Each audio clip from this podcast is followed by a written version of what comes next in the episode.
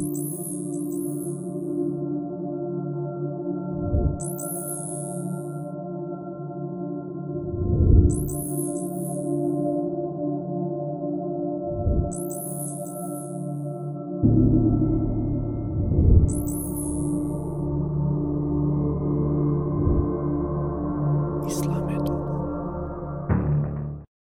Poštovani pratitelji Islamedu platforme, assalamu alaikum i dobrodošli u još jednu epizodu našeg podcasta.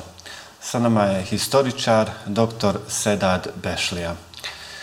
Uvaženi dr. Bešlija, assalamu alaikum i dobrodošli u naš podcast. Alim salam, hvala na pozivu. Evo bilo je, referirajući se na vašu biografiju, razmišljali smo o mnogo različitih tema i pitanja, bilo da su evo eh, iz historije, bilo da su iz bilo da su opć, opća društvena pitanja, no jel, nešto smo morali izabrati, sa nečim smo evo, mo, morali i, i, i početi. Pa evo, počet ćemo uopće e, sa vašom strukom, onim čime se i inače bavite.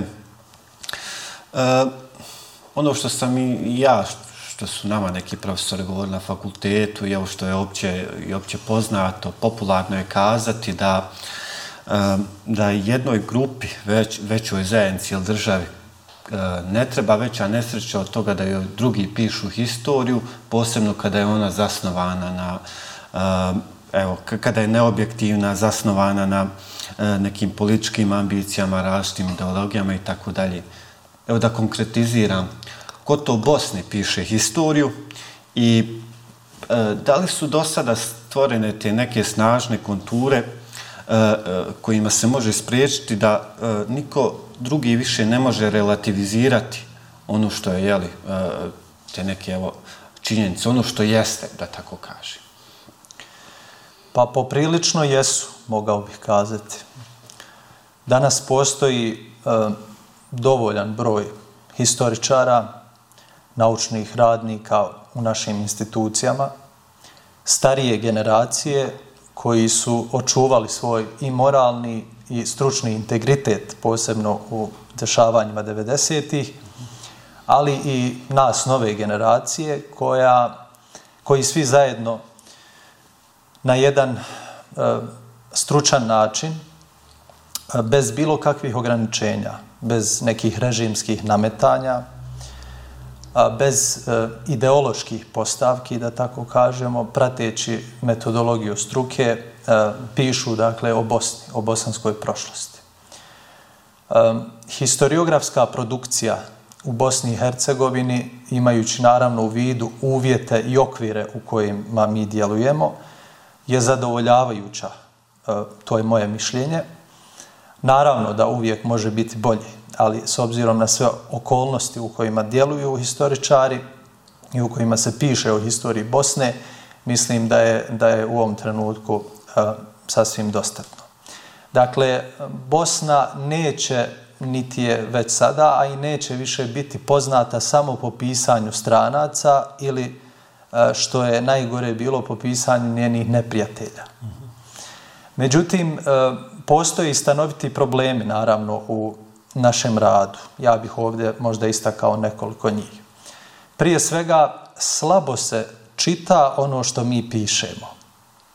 E, inače je poznato, nažalost, kod nas da je kultura čitanja e, dosta na niskom nivou. Ja i ovu priliku koristim i apeliram na naš, naše i mlađe i starije generacije da čitaju kako prošlosti Bosne, tako generalno historiografsku produkciju, ali i drugu publicistiku. Jer čitanje je početak svega. Početak bilo kakvog prosperiteta, napretka, razvoja i tako dalje. Generalno, osim toga, mogao bih kazati da u savremenom svijetu u kojem živimo, općenito pozicija humanističkih nauka, pa tako i historije, historiografije je dosta ugrožena i s tim se valja također suočiti. Drugi problem s kojima se struka suočava jeste pomeni nedovoljna koordinacija između struke i državnih i društvenih institucija općenito. Posebno u onim segmentima i oblastima gdje struka može dati svoj doprinos kroz savjetovanja, kroz perspektivu struke, posebno u nekim jako bitnim, ključnim oblastima kao što su nacionalne politike, državne politike i strategije, društvene politike i strategije, vanjska politika, diplomatija i tako dalje. Sljedeće bih istakao recimo um, amatersko pisanje o historiji. Danas poznato je svako ko iole malo voli, ima hobi prema historiji, uh, olahko se lati pera, što bi se kazalo, i piše o historiji. I onda dolazi do zbunjenosti kod čitalačke publike po pitanju izbora relevantne literature. Ja uvijek apeliram da se slijede ipak zvanične institucije i imena autori, historičari koji su svojim radom se dokazali, imaju određeni integritet i autoritet i priznatost i u ono, domaćim i u međunarodnim okvirima u struci. I naravno, e, na koncu, ono što ste na početku spominjali, ta ideološka pisanja koja su konstanta neće prestati na Balkanu, u jugoistočnoj Evropi prije svega na ovim prostorima um, antibosanske politike, strategije, prakse i pisanja. Toga moramo biti svjesni. Međutim, nauka je nešto drugo. E, ondje gdje nema poštovanja e, argumentacije, nema poštovanja opće priznatih historijskih činjenica, a, tu a, prestaje dijalog nauke sa tim ideologijama i ideološkim pisanjem. Spomenuli ste između ostalog i tu a, a, E, nisko poštovanje sprem humanističke nauka, jel, one su, e, e, ta percepcija humanističke nauka zaista evo, na niskim granama. I vidimo kada je u pitanju i, i, evo, i naše društvo, posebno taj odnos sprem nekih fakulteta u, nekom, u nekim svakodnevnim razgovorima, Pa, uh, vjerovatno, uh, zbog toga može doći do izraža ovo što, što govorite, je li uh, izgradnja toga autoriteta nekih zvaničnih institucija, što bi, je li, evo, poboljšalo generalno stanje, pa kada je u pitanju historija. Uh, želim da se, evo, približimo ono što je vama i, i, i sa strane struke uh, bliže, to jest osmanska historija, je osmanska historija na ovom uh, prostoru. Uh, dakle, Eh, Žig Osmanskog carstva ostavio je veliki trag kada je u pitanju i kulturni i religijski evo, identitet ili pripadnosti, kako god to evo, definišemo. No, eh, evo iz neke opće slike, eh, uh, postoje jeli, iz, iz niza razloga taj period Osmanskog carstva jeli, uh, vladavine na ovom prostoru se ili glorificira ili unižava. E, E, šta je tu pretjerivanje, odnosno kada je to glorificiranje, pretjerano glorificiranje, a kada je to ono unižavanje? Ponovo govorimo jeli, o nekim neobjektivnim jeli, stvarima. Pa, kao što bi to kazao Doajen osmanistike, sada već Rahmetli Halil i Nalđik, historija osmanske države ili osmanska prošlost je najviše deformisana i jednostrano tumačena historija, odnosno period u povijesti ljudskog roda, da tako kažemo. A, nažalost, tomovi, tomovi knjiga su napisani a, sa jednim negativnim pristupom. A, mnogim tim negativnim pristupima se želio dati oreol naučnosti, naučni, naučne osnove. I mnogo a, više je, dakle, unižavanja, kao što vi kazaste, ili pokušaja a, stigmatizacije, ocrnjavanja, osmanske prošlosti, negoli glorifikacije. A, glorifikacija je prisutna kod e, nekih autora, pojavi se s vremena na vrijeme, da tako kažemo, koji ili a, tokom pisanja, istraživanja potpadnu pod emociju, mm -hmm. ili kod, recimo, muslimanskih autora, a, kada gledaju isključivo iz vjerske prizme, iz vjerske perspektive na osmansku prošlost, to se, a, to se može primijetiti kroz tekst, ili pak autori koji tokom istraživanja budu oduševljeni određenim civilizacijskim tekovinama osmanske države i ne mogu da, da naprave otklon od te subjektivnosti. Um, ovo posljednje naravno nije vezano samo za vjersku pripadnost autora. Mi ovo, ovo što sam sada kazao imamo e, kod različitih autora na svjetskoj naučnoj sceni, da tako kažemo, kada vidimo da u nekim segmentima pretegne ta subjektivnost i ode se možda malo više u tu glorifikaciju nego što bi trebalo pratiti neku vrstu objektivnosti jel, u prikazu istorijskih dešavanja. Tako da, e, to je, to je naravno slučaj. Međutim, ja imam običaj kazati kada je osmanska prošlost u pitanju, da je svako stoljeće, da ne kažem svako desetljeće, priča za sebe. I ono što vidimo da, inače, ljudi koji se pokušavaju baviti manje više ili profesionalno, pa i čitalačka šira publika i kod percepcija opće javnosti, dakle, prema toj prošlosti, da se sve e, stavlja u isti ravan, u isti koš, pa se tako 16. stoljeće i 19. stoljeće miješa, stavlja se u isti koš, a oni ta dva stoljeća, recimo u nekim ključnim aspektima, nemaju uopće dodirnih tačaka. To je, to je taj problem uh, koji, se, koji se primjećuje. Um, naravno, ako bismo željeli da ocijenimo tu osmansku prošlost ili sve te pozitivne i negativne tekovine osmanske države, kulture, civilizacije, uh, dakle, u jednom dugo, dugom historijskom periodu, a, možda je najbolji metodološki okvir a, komparacije te osmanske prošlosti sa onim što se desilo iza toga, pa ako hoćete i prije toga. Na taj način bismo mogli možda najobjektivnije pristupiti toj prošlosti. Treba vidjeti sve te civilizacijske tekovine, prije svega posljedice ili uticaj recimo, jedne institucije vakufa ili jedan genij u graditeljstvu kroz, oličen kroz e, lik i dijelo Mimara Sinana sa njegovih 365 građevina plus njegovih učenika koji su stavljali potpise na te silne građevine, a, taj genij se još izučava u mnogim segmentima. Nije do kraja otkriven ni naučno. Ili uh, pak odnos uh, te države prema običnom čovjeku u pojedinim desetljećima, stoljećima, kao što kaza možda je taj odnos prema običnom čovjeku najbolji kriterij kada želimo da ocjenjujemo a, određeni historijski period ili određenu državnu strukturu, sistem i tako dalje. Ono što bih još kazao a, na ovo vaše pitanje je to da a, danas se vrše te komparacije nakon jeli, osmanske e, države, nakon e, kraja osmanske države u ovih 150 godina koliko imamo savremenosti, posebno 20. stoljeća, i mnogi autori će kazati kako uh, ovaj svijet tone uh, iz krize u krizu sve dublje, kako sve više imamo pojava masovnih ubistava, uh, kako se čovjek na najbrutalniji način pokazao u mnogim godinama, jeli, na mnogim geografskim prostorima u 20. stoljeću, to više a, se pokazuje interes i za čitanje i za proučavanje osmanske države.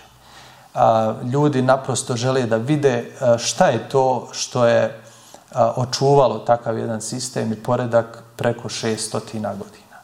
Evo, to su, to su neki aspekti koje trebamo imati u vidu kada, kada govorimo o osmanskoj prošlosti. Čini mi se da ste spomenuli tu jednu važnu stvar. Ponekad upadamo, evo moje lično mišljenje, upadamo u tu neku zamku uh, uh, uh, razmišljanja o historiji kao nečemu jako kompresovano je. Jako kompresovano je uh, kao uh, sto godina je ipak veliki pred, kako ste rekli. Uh, jedno desetljeće, pa drugo, pa, pa ostalo, 16. i 19. ste spomenuli kako su kao dva različita i da bi nam ta na neki način parcializacija onaj, mogla pomoći, jeli, evo i ovim, e, kada je u pitanju, spomenuli ste ta neka društvena pitanja, e, e, savremene u stvari rasprave o krizi čovječanstva, I evo na neki način i ova treća, treće pitanje bi e, naslonio i na ovo drugo, e, jer vezano je za to neko posmatranje historije i sadašnjeg konteksta, zaboravljujući taj historijski kontekst, a ovo želim da, e, e, da pitam, e, k, zašto se sputava ta težnja da je moguće Bosnu prihvatiti i tu Bosnu, e, evo da kažemo, predosmansku, osmansku postosmansku i Bosnu u, u drugim kontekstima? Pa, e, imajući u vidu da u, evo, posebno u 20. stoljeću na našim prostorima, kako se je mijenjao koji politički režim, tako se je mijenjao narativ i diskurs prema prošlosti. Pa otprilike kada dođe neki novi politički režim, sve ono što je bilo prije toga nastoji da zanemari, da zaboravi, da ne kažem duboko zakopa pod zemlju. Istovremeno, ono sa čime je došao taj režim, a nastoji da javnosti i generacijama predstavi kao nešto spasiteljsko, mhm. nešto što je najispravnije i tako dalje. S tim u vezi su naravno i obrazovni sistemi koji su bili kroz 20. stoljeće. Jedna se historijska epoha glorifikuje, druga se omalovažava, zanemaruje i tako dalje. I onda imate situaciju da se na taj način a, oblikuje svijest generacija kroz obrazovni sistem. Ili što bi neki autori kazali, mentalno se konstituišu generacije na taj način. Kada je u pitanju bosanska prošlost, bosanska historija, mi te režimske operacije najbolje vidimo na dvije epohe naše prošlosti. To su srednjovjekovna Bosna i osmanska Bosna. Mada u novije vrijeme vidimo da postoje najmanje dva oprečna narativa kada je u pitanju i socijalistički period, ne tako davno je bio, a da ne govorimo o periodu od 90. do 96. godine i sva ta ratna dešavanja koja su bila, da imamo najmanje tri narativa i u nauci, i u struci, i u obrazovnom sistemu, u školskom sistemu, i u literaturi i tako dalje. Tako da je e, jako teško se e, izboriti sa svim, sa svim tim. Po meni nema ništa prirodnije od toga da savremene generacije koje žive u Bosni i Hercegovini svoju prošlost doživljavaju kao svoju, kao vlastitu historijsku baštinu. -hmm svaki njezin period, od prahistorije do savremenih dana, i da shodno tome izlače pouke i poruke iz te prošlosti za sadašnjost i budućnost. To jeste jedan od primarnih ciljeva bavljenja, bilo kakvog bavljenja prošlošću, poviješću, historijom, kako god hoćete, da vidimo koje su to greške koji su činili oni prije nas, generacije prije nas, i da pokušamo da ih izbjegnemo. Mi, Odnosno, koje su to eh, prije svega civilizacijske tekovine, humane, opće korisne tekovine, a, koje bi možda za ove generacije bile izvor inspiracije, e da bi i mi nešto ostavili u, ovom, u, u životu u kojem živimo, neki konkretan trag, a, da bi obogatili svoj život, svoju sadašnjost, da bi dali neki doprinos svjetskoj civilizaciji. E, očito se krećemo u, u smjeru zaključka da nam treba ta širina, jer e, kao što je opće poznato, je li civilizacije su prepis, pre, e, prepisivale jedno od druge, u stvari te, evo, pozitivne tekovine izme, između ostalog, to je ono što, oba, što bi trebalo da obogaćuje svijet, pa evo kad govorimo evo, i, i na lokalnom e, nivou. E, Često se govori o potrebi razvoja svijesti o uprezanju vlastitih potencijala i oslonca na neke vanjske faktore, evo, rećemo e, e, sa sadašnjim rječnikom kazano, međunarodne faktore koji su vrlo prisutni u Bosni i Hercegovini. Šta smo e, do sada mogli naučiti na ovoj balkanskoj vjetrometini, dakle, kada je to pitanje? To je ovako dobro pitanje. Eh, koje je naša svakodnevnica, ja bih kazao. Eh, naravno, na prostoru Balkana, posebno, evo kada govorimo o Bosni i Hercegovini i ljudima koji žive u Bosni i Hercegovini, eh, mogli bismo naučiti možda i ključnu lekciju, posljedno kada imamo 20. stoljeće u pitanju i početak 21 a to je da bi osnovni naš plan, strategija, politika trebalo biti da se oslanjamo na sebe i svoje vlastite snage. Pa sve ostalo ide iza toga.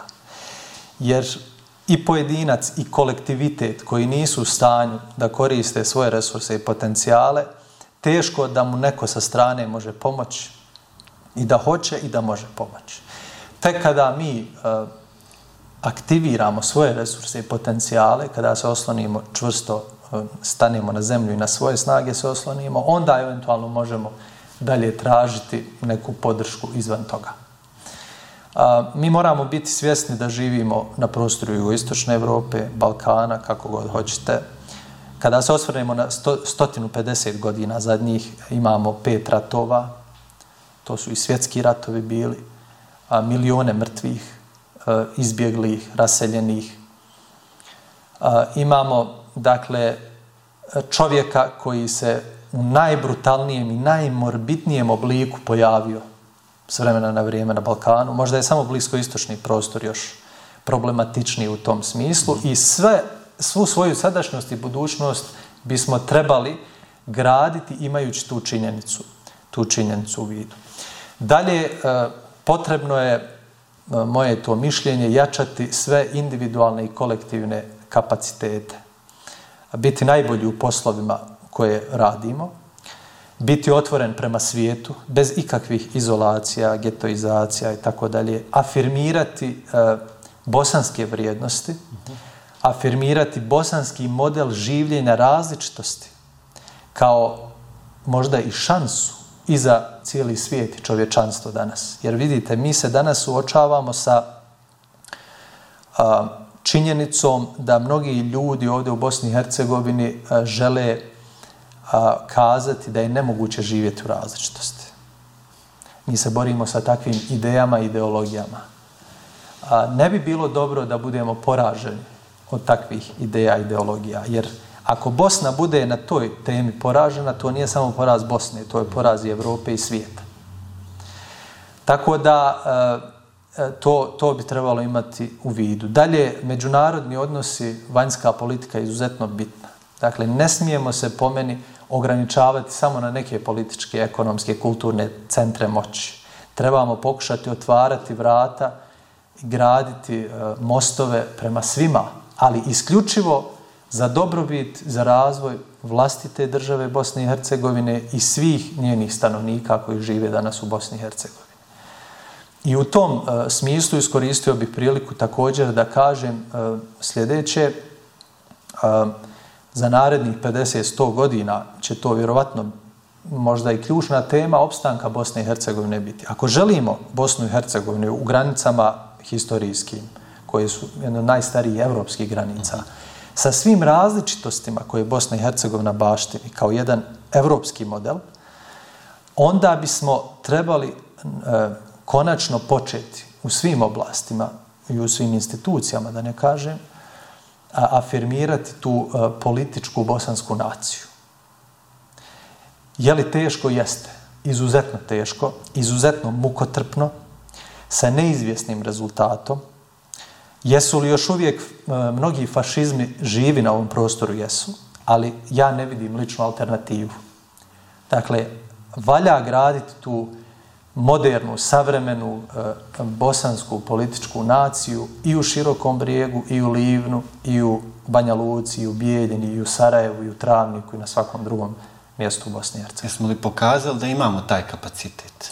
Mislim da jesmo. Dakle, u nekim prelomnim e, događajima, e, historijskim, kada gledamo prošlost Bosne, u najtežim momentima, mislim da je e, ova bosanska substanca i njen narod, je pokazao da ipak je na strani poštovanja e, i e, očuvanja tih različitosti, a ne e, da idu putem bilo kakvih isključivosti.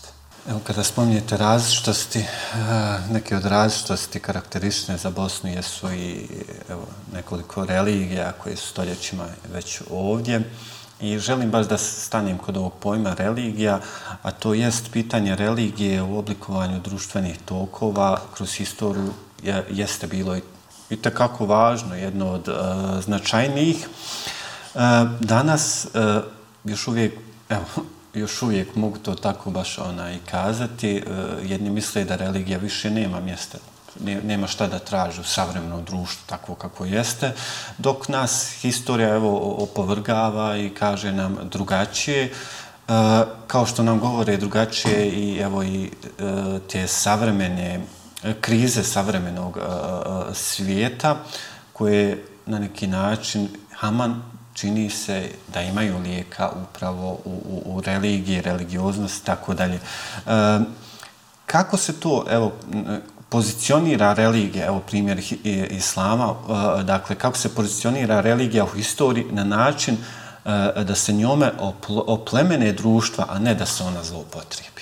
Naravno, kao što ste kazali, bez obzira na posebno u savremenom dobu jak antireligijski pokret, ipak ono što nazivamo vjerom, religijom, nezamisliv je svijet i nezamisliv je ljudski rod i prošlost čovječanstva i sadašnjost i budućnost bez vjere. Izuzetno važnu ulogu i kroz prošlost, a i danas imaju vjera, vjerske zajednice.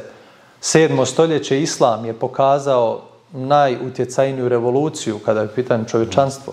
Pojava Islama u 7. stoljeću je, možemo kazati, slobodno mnogi autori to kažu, najutjecajnija revolucija izvedena ikada u historiji ljudskog roda. Mm. Tako da vidimo eh, da kada, kada su pitanju društveni tokovi, eh, i dalje i dan danas eh, jak utjecaj imaju dakle, vjere, religije, vjerske zajednice. Kada je islam u pitanju, naravno, potrebno je napraviti jednu distinkciju religija ili vjera per se je s jedne strane, međutim s druge strane, posebno s teološkog aspekta kada gledamo, a s druge strane je ovaj kulturološki aspekt. Evo, ako govorimo o islamu, dakle, već je poznato, mnogi autori o tome, o tome pišu da se geografski može raščlaniti iskustvo življenja islama na određenim prostorima. Pa tako, iskustvo življenja islama u Bosni a, nije istovjetno onome u Tanzaniji ili Maleziji kroz prošlost, a ni kroz sadašnjost, vjerovatno ni budućnost. Islam je kao vjera kroz prošlost, kroz historiju, naravno ostavio neizbrisiv pečat, dubok trag, posebno kada je u pitanju nauka, kultura, civilizacija i tako dalje. Danas su to stranice e, prošlosti koje su inspiracija generacijama koje žive kako bi mogli unaprijediti možda svoju sadašnjost i budućnost. Međutim, ima jedna pojava koja je s kojim se također čovečanstvo suočava od kad je vjere i religije i vjerskih zajednica, a to je zloupotreba vjere. Pa smo mogli vidjeti kroz historiju, a i danas je aktuelno to, da su ponekada i vjere i vjerske zajednice u službi nekih negativnih ideologija, negativnih pojava i tako dalje. To je naravno jedan aspekt s kojim se trebamo suočiti, suočavati, pokušati prevenirati i spriječavati. Jer to nije poslanje ni učenje ni jedne e, vjerske, vjere ni vjerske zajednice. Ne bi trebalo biti po tekstu. Jel? Međutim, činjenica je kroz historiju da, da, da smo da to imamo. Ono što je možda rješenje jeste da se e, vjerske zajednice prije svega vrate svom izvornom poslanju. Bez nekih uh, licemjernih uh, pristupa, bez uh, nekih skrivenih agendi, bez službi za neke bolesne ambicije i bolesne ideologije koje čest, često smo to vidjeli pa i na našim prostorima zagovaraju te ideologije navodno u ime Boga. I mislim da bi svijet bio puno ugodnijim i ljepšim mjestom za življenje ako bi se vjerske zajednice, religijske zajednice e, okrenule onome svom izvorištu, ishodištu zbog čega i postoji. A, I malo prije smo spominjali dakle, taj život u različitosti u Bosni i Hercegovini. A, možda bih još na kraju dodao da a, ako ćemo kao muslimani govoriti u Bosni i Hercegovini kao bosanski muslimani, onda imamo uh, ref, još jednu referenciju više. Referentniji smo za to. Uh mhm. -huh. Na koji način? Pa zato što je Islam od 7. stoljeća od svoje pojave pokazao tu inkluzivnost i š, dakle jednu širinu da prihvati sve te različitosti. Uh, šta je onda na nama? Uh, na nama je samo da pokažemo uh, na terenu u praksi tu snagu ideje. I toga, toga se ne treba plašiti. Vjerovatno ćemo na taj način i uspjeti očuvati upravo, upravo taj život u različitosti. Ono što jesmo u stvari, je e, nastavak te neke tradicije inkluzivnosti, kako ste, kako ste kazali, te otvorenosti prema svijetu, što evo provlačimo kroz cijeli razgovor. E, mislim da smo evo u nekom vedrom tonu završili. E, ovaj razgovor. Ja vam se zaista zahvaljujem mnogo na odvojenom vremenu, evo na, na ovom razgovoru. Hvala vam.